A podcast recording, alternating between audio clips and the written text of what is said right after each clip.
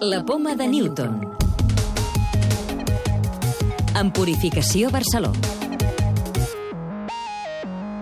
Una nova tecnologia desenvolupada a Catalunya permet reproduir el so en tres dimensions. En parlem en el programa d'aquesta setmana, en el qual també veurem les propietats del car en la lluita contra el càncer i sabrem per què és tan especial l'aigua.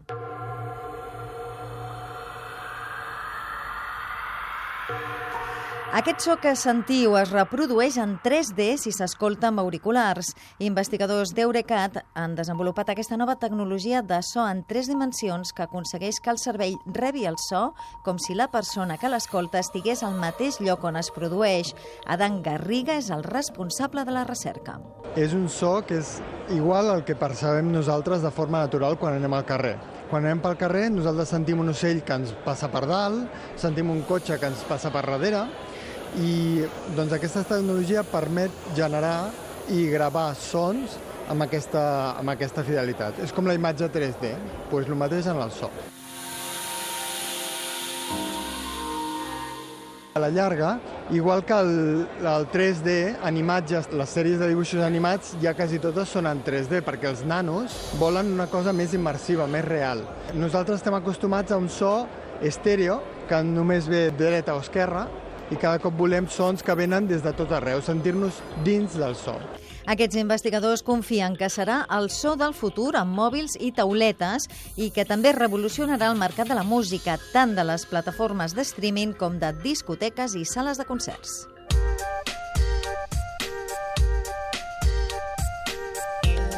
També us expliquem que una substància vegetal procedent d'una planta mediterrània, el car marià, redueix la metàstasi cerebral del càncer de pulmó. Es diu sibilinina i l'ha experimentat amb èxit l'Institut Català d'Oncologia en dos pacients a Girona.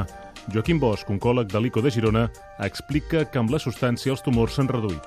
La sorpresa va ser que els pacients van millorar relativament ràpid i quan vam fer proves d'imatge vam veure que les lesions cerebrals s'havien reduït volumètricament d'una forma bastant significativa. Científics australians utilitzen algues microscòpiques per destruir les cèl·lules canceroses sense danyar-ne les sanes. Les algues transporten el medicament i només s'adhereixen a les cèl·lules afectades de càncer.